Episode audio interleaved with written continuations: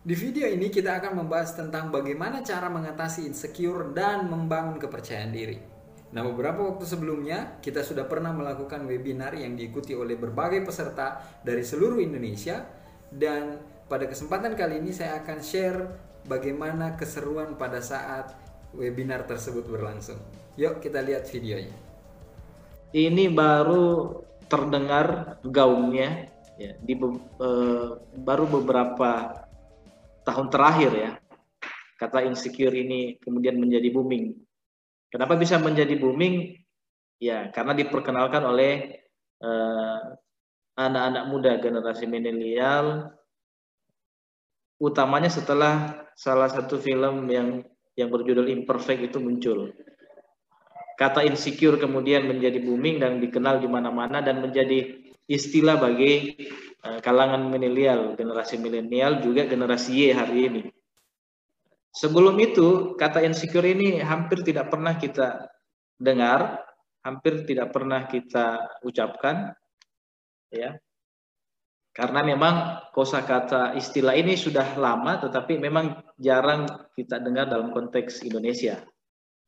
Baru belakangan ini kemudian kata insecure ini muncul, gitu ya. Nah, lalu kemudian apa sih sebenarnya insecure itu? Nah, kalau kita uh, merujuk kepada kata insecure ini, maka insecure ini berasal dari kata uh, bahasa Inggris, ya, berasal dari bahasa Inggris yang berarti tidak aman. Nah, insecure ini artinya tidak aman, merasa tidak aman. Nah, dalam konteks Indonesia hari ini ya, yang sering kita dengar kata insecure ini lebih condong atau lebih cenderung dihubungkan dengan rasa tidak percaya diri, tidak pede. Ya kan? Tidak pede. Padahal kalau kita merujuk kepada kata insecure sendiri itu yang berarti tadi yang saya sampaikan rasa tidak aman itu berarti segala sesuatu yang membuat perasaan kita tidak aman maka itu masuk kategori insecure. Apa-apa yang membuat kita tidak nyaman merasa tidak aman, ya banyak hal. Kalau misalkan kita merasa gelisah, berarti itu ada perasaan tidak aman terhadap diri kita. Maka itu bisa dikatakan insecure juga. Kalau kita merasa uh, cemas, cemas juga adalah perasaan tidak aman maka merasa tidak aman itu atau cemas itu bisa dikategorikan sebagai insecure. Jadi ras, eh, jadi gelisah, cemas, ya, sehingga menimbulkan rasa tidak percaya diri. Nah itu adalah masuk dalam kategori insecure. Jadi kalau kita bilang insecure berarti ya bisa di, dikatakan bahwa kita merasa tidak aman terhadap sesuatu.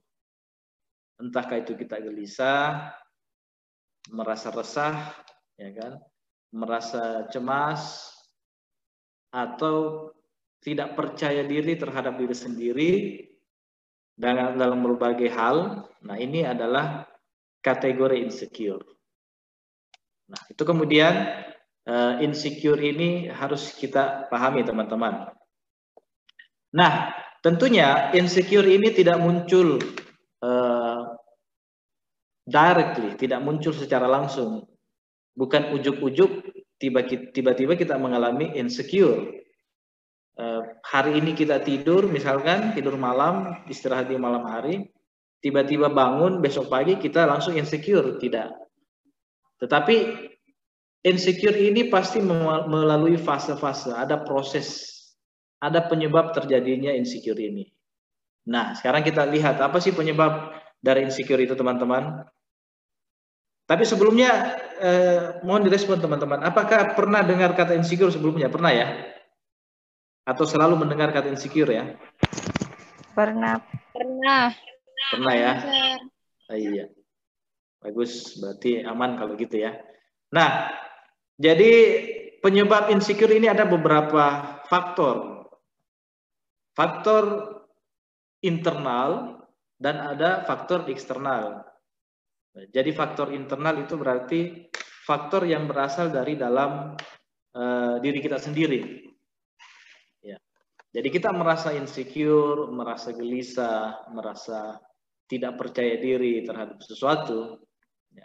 Yang pertama adalah faktor internal dipengaruhi oleh faktor atau kondisi kita sendiri. Nah, yang kedua adalah faktor eksternal. Sekarang kita kita bahas faktor eksternal dulu. Kenapa sih orang tiba-tiba insecure? Faktor dari luar itu apa yang mendorong sehingga kita insecure? Nah, yang pertama ini, nah ini sudah ada, sudah muncul. Yang pertama, karena perlakuan overprotective dari orang tua dan pasangan kita. Bagi teman-teman, Bapak Ibu yang sudah punya pasangan, sudah berkeluarga, nah, pengaruh overprotective ini bisa menyebabkan juga kita mengalami insecure, ya, merasa tidak aman. Overprotective berarti eh, kita tidak bisa melakukan segala sesuatu itu dengan dengan uh, mengalir ya, dengan mengalir dengan santai. Selalu saja ada pembatasan-pembatasan, selalu saja kita diawasi. Jadi ada ada uh, proteksi terhadap diri kita yang berlebihan. Nah, itu overprotective. Baik dari orang tua kalau kita sebagai seorang anak misalkan maupun dari pasangan kita kalau kita sudah berkeluarga baik itu kita sebagai suami maupun kita sebagai istri. Nah, perlakuan overprotective ini yang kemudian ya seperti yang saya katakan, katakan tadi bahwa insecure itu adalah perasaan tidak aman, maka karena kita terlalu diproteksi eh, oleh pasangan kita, oleh orang tua kita yang berlebihan, maka rasa aman itu tiba-tiba muncul di dalam diri kita merasa di, dibatasi, merasa di eh, apa diawasi sedemikian rupa, diatur sedemikian rupa sehingga rasa aman itu muncul dari dalam kita. Jadi yang pertama. Yang kedua, ya. Nah, yang kedua adalah dibanding-bandingkan dengan orang lain. Ini penyebab insecure yang kedua, dibanding-bandingkan dengan orang lain. Kadang siapa pun itu secara psikologis, ya apalagi kalau uh, orang uh, kita ini sudah bisa menganalisis sesuatu, ya kan? Maka uh, pasti kita tidak senang dibanding-bandingkan dengan orang lain, ya kan? Tidak senang dibanding-bandingkan dengan orang lain. Kalau kita dibandingkan dengan orang lain, maka perasaan insecure ini bisa bisa uh, muncul dalam diri kita karena proses membanding-bandingkan ini. Nah, sehingga eh, hal-hal yang sebenarnya tidak perlu kita bandingkan dengan orang lain menjadi satu pola, ya, satu pola ketemu dengan orang A, misalnya kita ketemu dengan A, lalu kita membandingkan diri kita dengan A. Ketemu dengan B kita bandingkan lagi dengan diri kita dengan B. Misal, misalkan contoh misalkan kita eh, kalau dalam eh, hal bahasa Inggris misalkan bahasa ya bahasa Inggris kita tidak terlalu eh, baik ketemu dengan orang yang expert in English pintar bahasa Inggris nah kita bandingkan wah ini pintar sekali bahasa Inggris aku saya tidak bisa ini bahasa Inggris saya ini tidak bisa uh, berbicara bahasa Inggris, kosakata pun juga sangat-sangat minim. Nah, terjadi proses komparasi, terjadi proses membanding-bandingkan diri kita dengan orang lain. Membanding-bandingkan ini dalam hal negatif ya, dalam hal negatif. Jadi kalau kita membandingkan diri kita dengan orang lain, ya, it, dan itu perbandingan komparasi itu adalah hal negatif. Dalam hal ini kita menilai diri kita itu selalu rendah, selalu lebih rendah dan menilai diri kita uh, sendiri itu negatif, maka ini yang akan memicu nanti uh, insecure itu muncul dalam diri kita. Maka jangan pernah membanding-bandingkan dengan orang lain. Itu yang kedua. Yang ketiga, penyebab insecure yang ketiga, penolakan dari orang lain. Ada penolakan. Kalau kita sering ditolak, itu juga menjadi beban tersendiri terhadap uh, terhadap diri kita sendiri.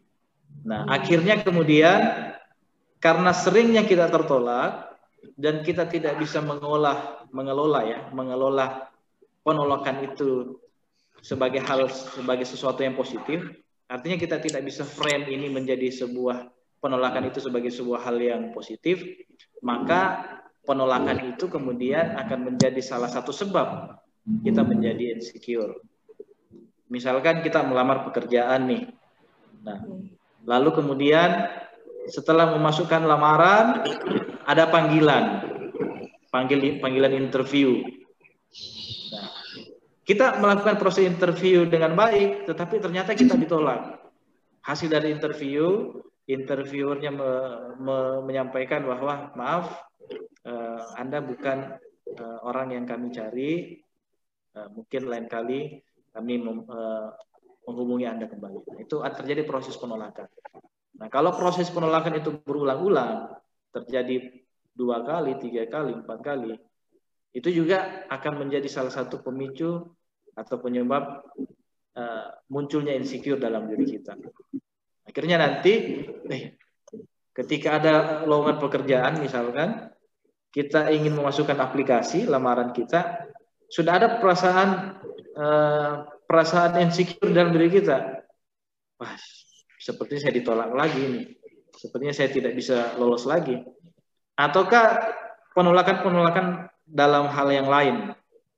Misalkan eh, kerja, ya kan? Eh, apa? Eh, lulus misalkan lulus dalam program tertentu misalkan atau bahkan melamar pujaan hati misalkan itu juga bisa menjadi hal yang memicu dari insecure ini muncul ada perasaan tidak aman terhadap diri kita nah terus kemudian yang keempat penyebab insecure yang keempat itu trauma masa lalu nah ternyata teman-teman sekalian trauma itu juga menjadi bagian, salah satu bagian pemicu insecure itu terjadi.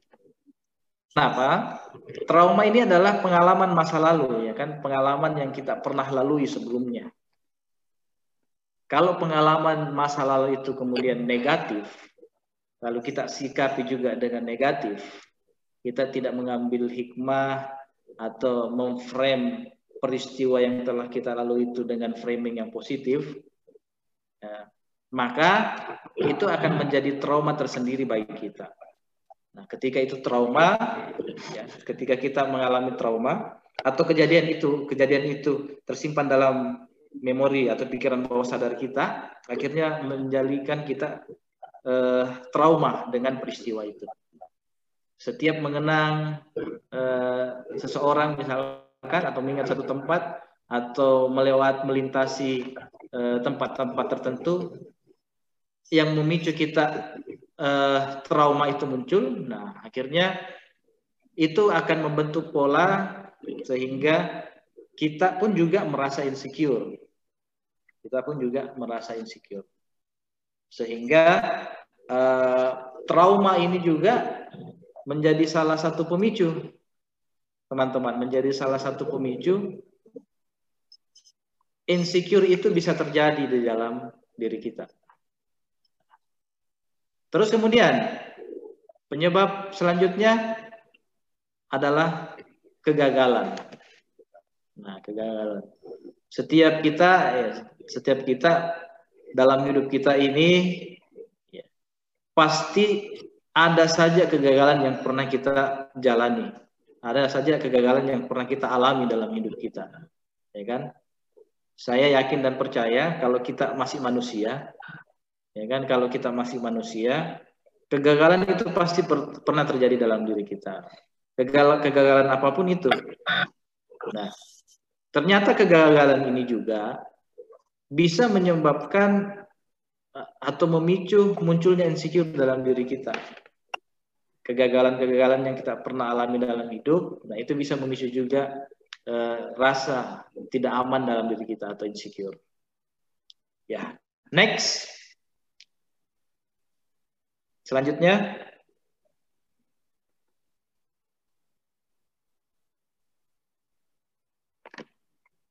Ya. Selanjutnya ini ada tekanan dari orang tua. Nah, ini hati-hati para orang tua, Bapak Ibu. Ya. Kalau uh, partisipan di sini, peserta di sini ada yang sebagai orang tua, nah hati-hati juga. Hati-hati pola asuh Anda kepada anak Anda.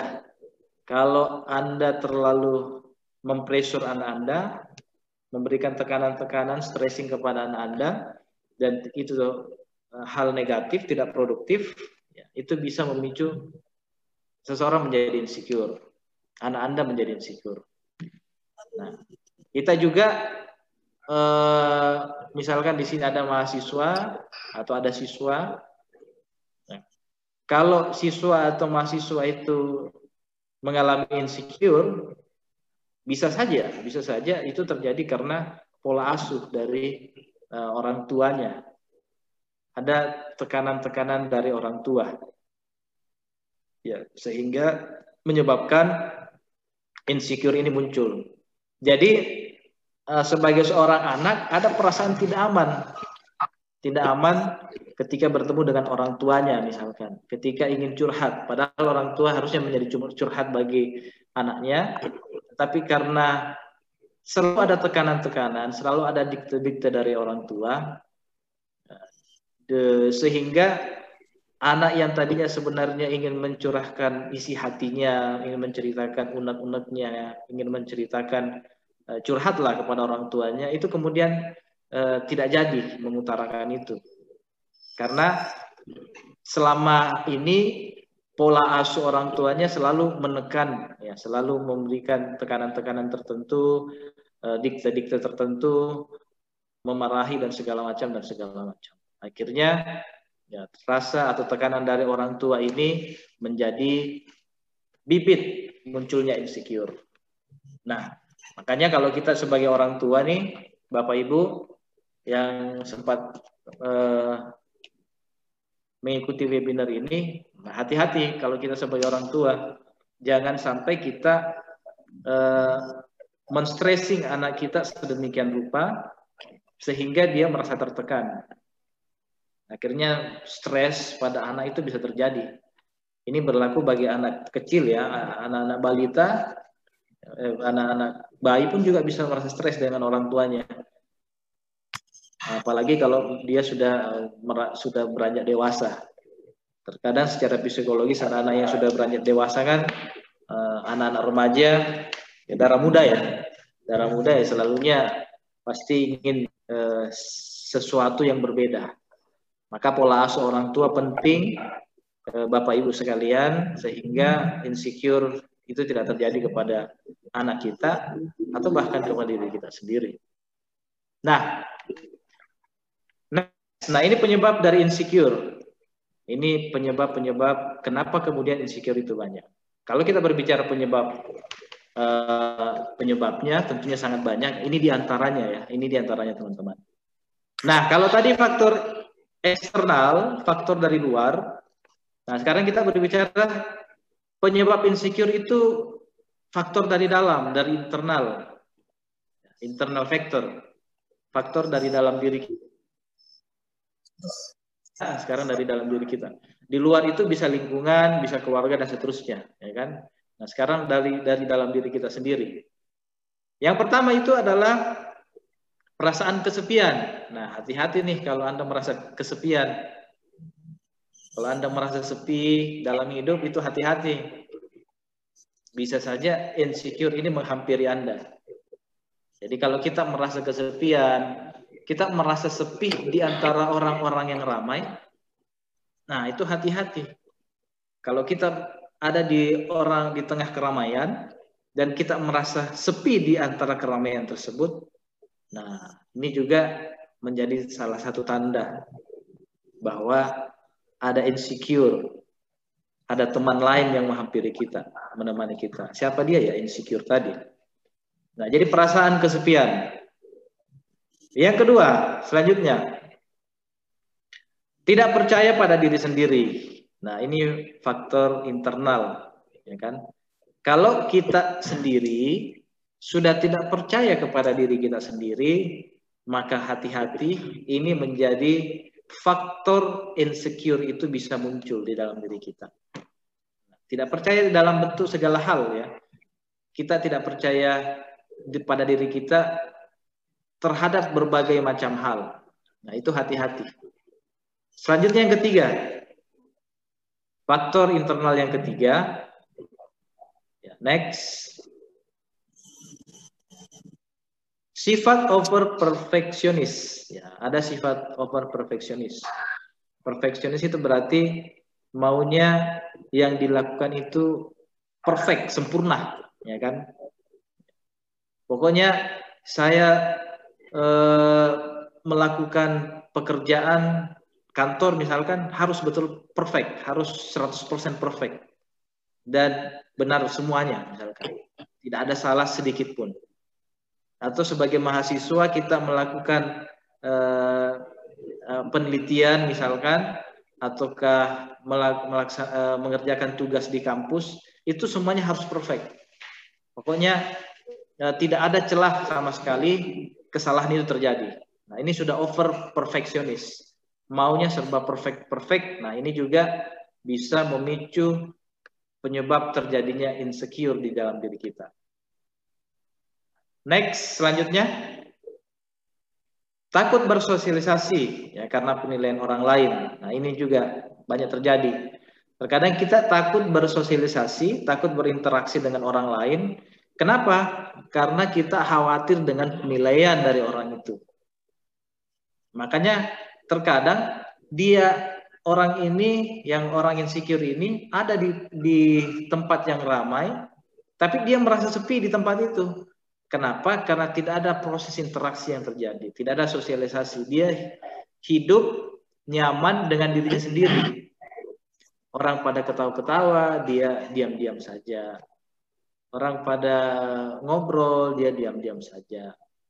Nah, kenapa? Ya karena takut bersosialisasi, takut berinteraksi.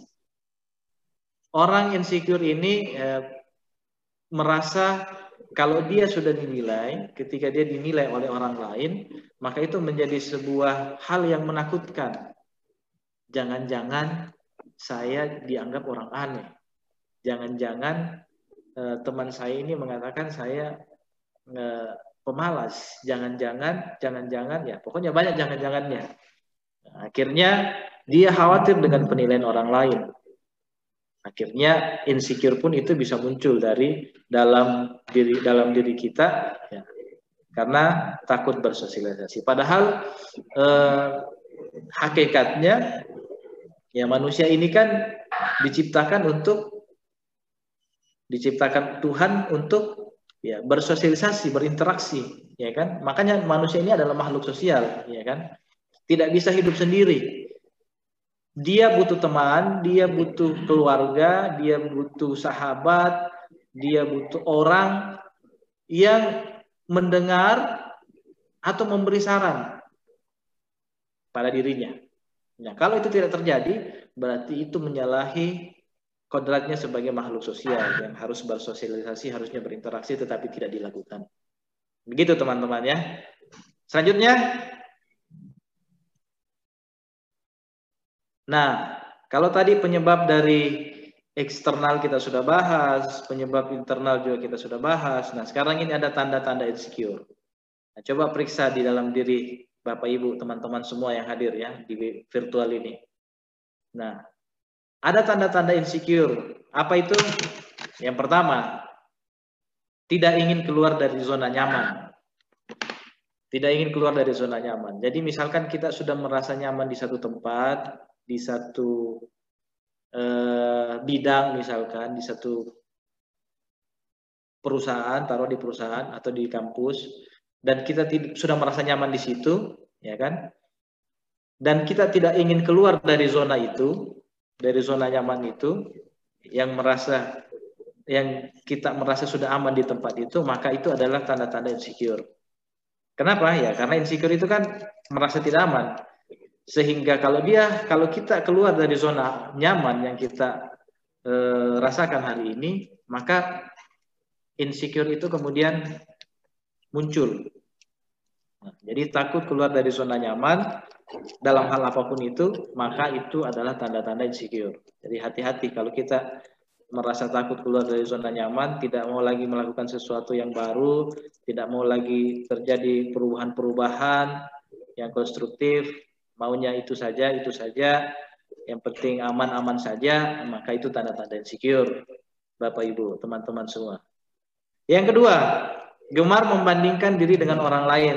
Nah, ini juga tanda-tandanya. Kalau kita gemar membanding-bandingkan diri kita dengan orang lain, maka itu adalah tanda-tanda insecure. Utamanya sisi negatifnya ya, sisi negatifnya. Ya, seperti yang saya bahas tadi di awal, kita bandingkan orang diri kita yang tidak pintar bahasa bahasa Inggris misalkan dengan orang yang pintar bahasa Inggris. Akhirnya kita mulai down, kita mulai saya memang tidak bisa bahasa Inggris. Ada self talk, self talk, ada uh, apa self talk itu uh, apa perkataan batin ya, perkataan batin dalam diri kita. Kita membatin kalau saya tidak bisa. Ada ada perkataan dalam dalam diri kita, di dalam hati kita mengatakan tidak bisa. Itu menjadi uh, tanda-tanda insecure. Yang ketiga, memandang rendah diri sendiri. Nah, ini juga ini juga hati-hati kalau kita sudah memandang rendah diri sendiri, maka itu tanda-tanda insecure. Ketika kita sudah merasa bahwa kita diri kita ini tidak ada gunanya, tidak bisa melakukan sesuatu yang positif, melakukan kebaikan-kebaikan, maka ya itu adalah rendah diri, memandang diri sendiri rendah. Ini hati-hati juga itu tanda-tanda insecure. Kalau rendah hati boleh, tapi rendah diri jangan ya. Rendah diri itu berarti kita membuat diri kita turun derajatnya. Yang keempat, menghindari interaksi dengan lingkungan sekitar ya, seperti yang tadi sempat dibahas ya. Jadi kalau kita sudah menghindari interaksi dengan lingkungan sekitar, kita misalkan hidup bertetangga, bapak ibu hidup bertetangga, samping kiri kanan depan belakang, dan kita nyaman di rumah saja, tidak mau menyapa tetangga yang ada di samping tak padahal sudah berhadapan dengan kita misalkan kita malah berpapasan di jalan di depan rumah tidak juga menyapa tidak berinteraksi tidak basa-basi maka itu juga hati-hati. Itu tanda-tanda insecure lanjut next. Nah harus mendapat pujian dan pengakuan dari orang lain. Nah ini juga tanda-tanda insecure ya. Jadi segala sesuatu yang kita kerjakan maunya itu kita selalu mendapat pengakuan dan pujian. Kalau sudah tidak dipuji, kalau sudah tidak diakui, maka perasaan eh, rasa-rasa uh, aman terhadap dirinya wah tiba-tiba muncul, insecure itu muncul. Nah, itu juga hati-hati. Nah, ini adalah tanda-tanda insecure, teman-teman. Selanjutnya, nah, bagaimana cara mengatasi uh, insecure ini? Banyak cara sebenarnya ya teman-teman ya. Banyak cara mengatasi insecure ini. Nah, nah sekarang kita lihat cara yang pertama adalah fokus dalam menjadi dan mencintai diri sendiri. Jadi jadilah diri sendiri dan cintai diri Anda sendiri apa adanya. Terima kekurangan Anda, sadari kekurangan Anda, jangan pernah mau menjadi orang lain, tetapi fokus pada diri Anda dan cintai diri Anda sendiri. Setiap manusia, ya setiap kita ini pasti punya kekurangan. Juga pasti punya kelebihan yang orang lain tidak miliki. Kekurangan itu kita terima sebagai bagian dalam diri kita, ya. Nah, kelebihan itu ya kita syukuri. Ya, sehingga eh, kita mencintai diri kita itu apa adanya. Kalau kita sudah mencintai diri sendiri, maka ini menjadi eh, apa ya menjadi pintu, menjadi jalan bagaimana mengatasi insecure itu. Yang kedua, jangan bandingkan dirimu dengan orang lain. Nah, itu tadi, jangan banding-bandingkan diri Anda dengan orang lain. Ya kan? Orang lain pintar uh, pintar A misalkan, Anda juga mau pintar seperti A. Dia yang di sana pintar B, Anda juga mau menjadi B, dan seterusnya. Jadi jangan pernah membandingkan diri Anda dengan orang lain. Kalau ada kekurangan, Maka sedapat mungkin, semaksimal mungkin kekurangan-kekurangan yang kita sudah tahu terhadap diri kita itu kita benahi pelan-pelan. Ya kan? Next, selanjutnya temukan kelebihan dan keunikan dalam diri Anda. Nah, ini mengatasinya. Nah, setiap manusia, setiap kita ini kan pasti punya kelebihan dan kekurangan seperti yang saya sampaikan tadi ya. Nah, tugas kita adalah self analysis. Melakukan self analysis, melakukan analisis diri. Ya, analisis diri. Nah, terkadang ini jarang kita lakukan. Menganalisis diri berarti kita analisis apa kelebihan saya ya. Oh, kelebihan saya misalkan eh, pintar eh, eh, apa linguistik berbahasa misalkan atau matematis misalkan dan seterusnya dan seterusnya. Temukan itu, cari kelebihan Anda dan keunikan dari dalam dirimu. Lalu kemudian kelilingi dirimu dengan orang-orang yang suportif. Nah, Anda berkumpul cari eh, teman-teman eh, yang bisa membuat Anda menjadi orang yang optimis, menjadi orang yang positif. Ya kan? Misalkan Anda ada pemalu, misalkan tidak percaya diri, cari teman-teman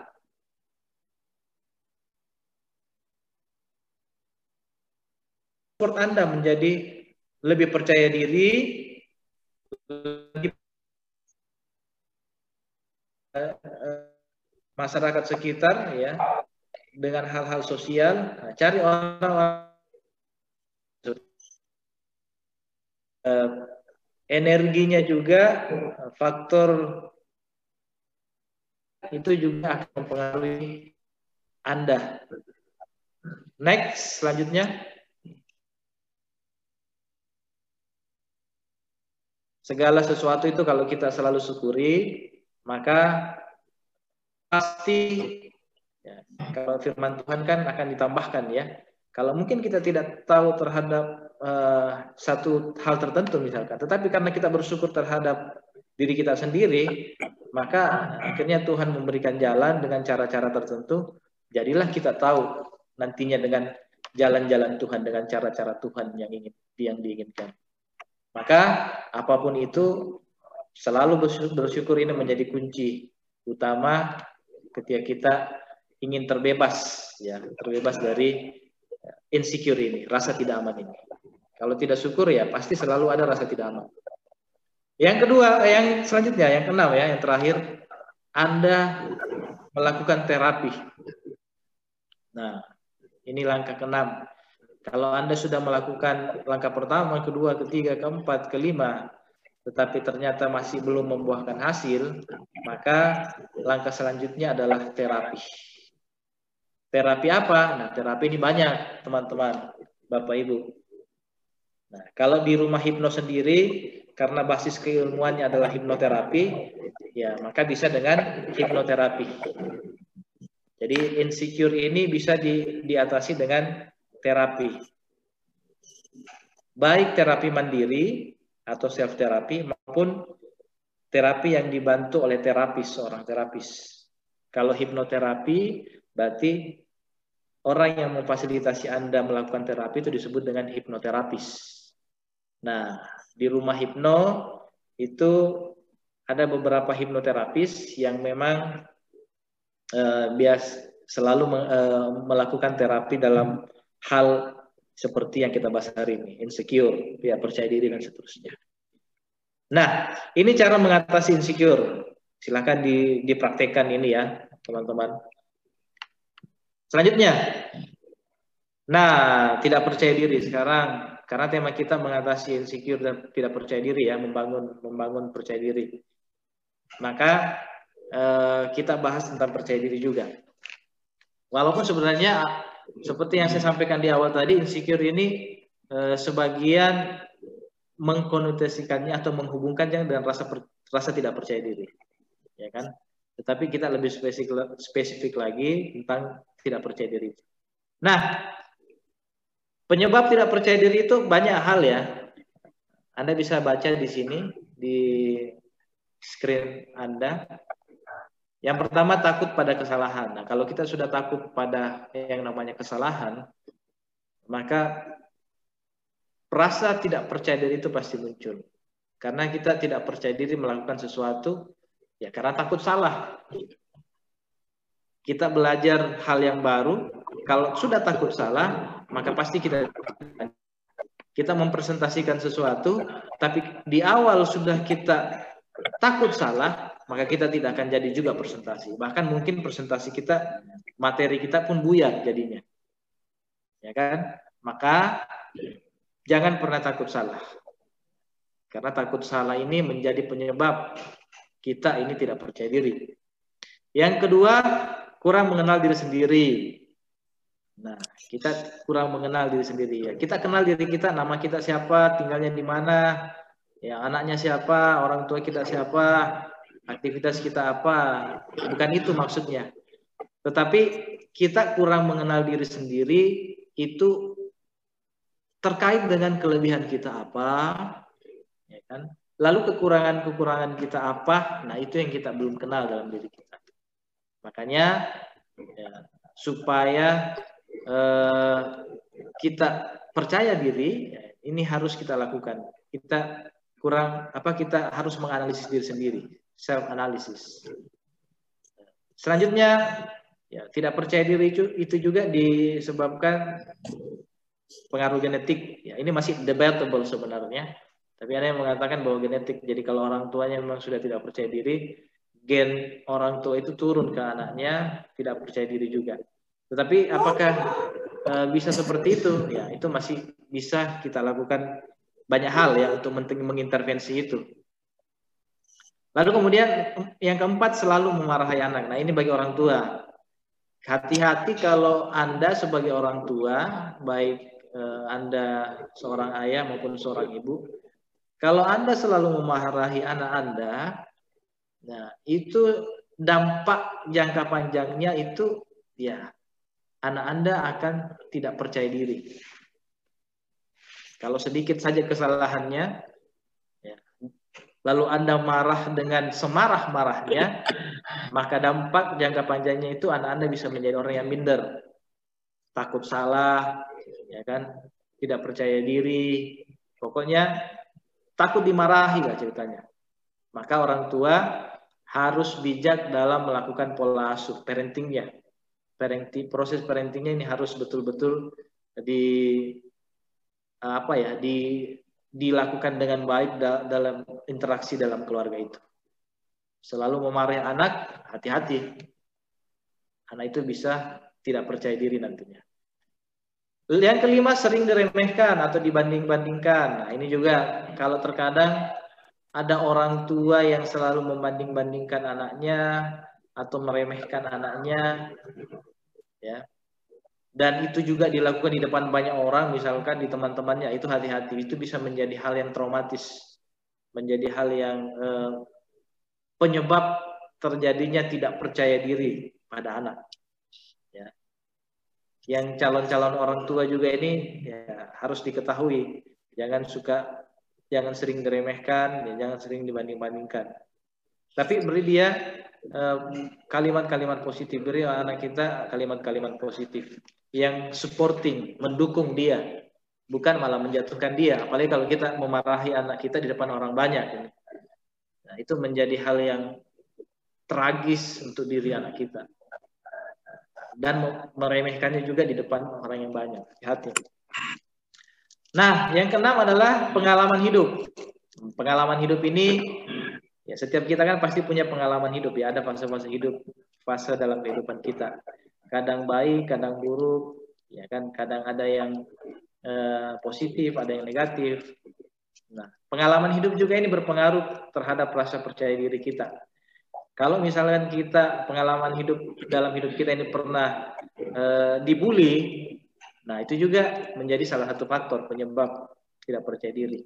Dibully, atau trauma terhadap sesuatu yang sifatnya memang menekan kita, nah, akhirnya rasa percaya diri itu menjadi bagian dalam diri kita. Next, selanjutnya. Nah, lalu kemudian bagaimana cara membangun rasa percaya diri ini? Nah, ini ada tipsnya. Yang pertama, positif self talk. Jadi lakukan positif self talk. Apa itu positif self talk? Self talk itu kan kita membatin ya, kita membatin dalam diri kita sendiri. Dalam 24 jam keseharian kita ini, dalam keseharian kita ini dari bangun tidur sampai tidur kembali, pasti kita pernah membatin dalam hidup dalam diri kita. Berbicara dalam hati ceritanya, membatin. Self talk itu berbicara dalam hati. Eh, misalkan ah pintarnya ini orang misalkan kan self talk. Ini kayaknya saya tidak bisa ini, saya tidak bisa uh, seperti dia. Saya memang orang yang pemalas Eh, saya memang uh, tidak bisa melakukan sesuatu dengan benar. Nah, itu self talk self talk yang negatif seperti itu itu bisa uh, membuat kita turun down ya membawa kita down sehingga rasa percaya diri itu tidak ada tidak muncul nah sekarang self talk positif ini yang harus kita bangun saya bisa saya bisa melakukan itu dengan baik. Saya bisa berbicara di depan orang banyak dengan lancar, dengan baik-baik saja, aman-aman saja. Saya bisa mengerjakan tugas penelitian saya dengan uh, tepat waktu, ya, dengan baik dan seterusnya dan seterusnya. Pokoknya semua uh, kata hati kita atau uh, yang sering kita ucapkan dalam hati itu harus dibiasakan positif, di positif dengan kata-kata yang positif. Sehingga self talk self talk itu nanti akan membuat kita eh, mengalami perubahan sedikit demi sedikit, ya kan? Itu kalau dalam ilmu hipnosis itu self talk itu adalah sugesti dalam diri kita. Kita memberikan sugesti. Kalau sugestinya negatif ya, maka citra diri kita, belief system kita juga itu akan menjadi negatif pula. Maka perlu kita melakukan self talk. Ucapan dalam hati kita itu tentang diri kita sendiri itu harus yang baik-baik saja. Harus yang positif. Hindari negatif-negatif. Gitu ya, teman-teman. Lalu kemudian yang kedua, stop bandingkan diri Anda dengan orang lain. Ini saya kira sudah jelas ya. Sudah dibahas tadi. Yang ketiga, memilih dan merespon perkataan orang dengan baik. Nah, ini juga penting ini dalam proses interaksi kita, dalam proses uh, kita berkawan, berumah tangga, bertetangga, ya kan? Pasti ada perkataan-perkataan orang itu yang langsung wah kena dalam hati kita, wah saya saya lagi disinggungin ya, misalkan seperti itu. Wah, sepertinya saya yang dibicarakan. Nah, perkataannya tadi menyakitkan hati dan seterusnya ya dan seterusnya. Nah, kalau kita merespon itu dengan uh, positif, aman saja sebenarnya. Tetapi kalau kita merespon perkataan orang itu dengan negatif, ya, maka itu yang menjadi bahaya. Kita dengar perkataannya orang dan kita terlalu meresapi apa yang dia katakan, maka itu bisa menjadi eh, apa? Menjadi hal negatif dalam diri kita lah. Makanya kita ketika kita mendengar uh, sesuatu yang negatif dilontarkan kepada kita, maka kita pilih dan merespon perkataan orang itu dengan baik saja. Kita kalau dalam ilmu NLP ada namanya reframing ya kan? Kita mereframe. Kita membingkai kembali perkataan orang itu. Kalau dia kita dia berikan kita uh, kata-kata atau kalimat yang negatif, maka kita langsung rubah. Kita respon itu dengan positif. Oh, mungkin maksudnya dia supaya saya lebih rajin, nah, gitu. Oh, mungkin maksudnya ini uh, saya harus banyak membaca.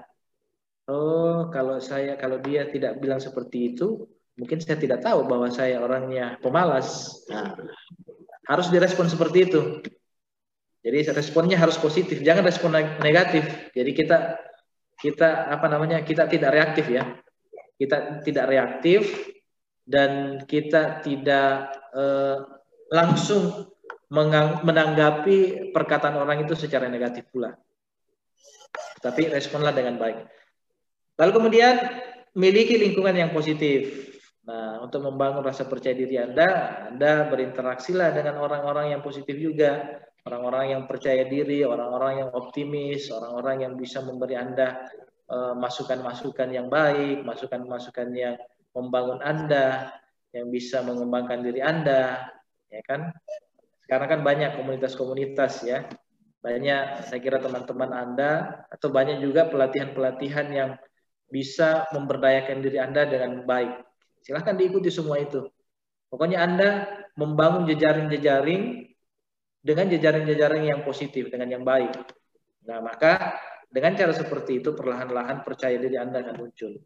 Anda tadinya barangkali yang ketika melakukan presentasi tidak eh, apa ya gugup, gemetar, bahkan tidak ber, bisa bersuara, tidak bisa keluar suaranya, maka ikuti ikuti eh, teman-teman eh, Anda yang pintar melakukan presentasi dengan baik atau silahkan ikuti kelas-kelas eh, kelas-kelas public speaking, ya kan?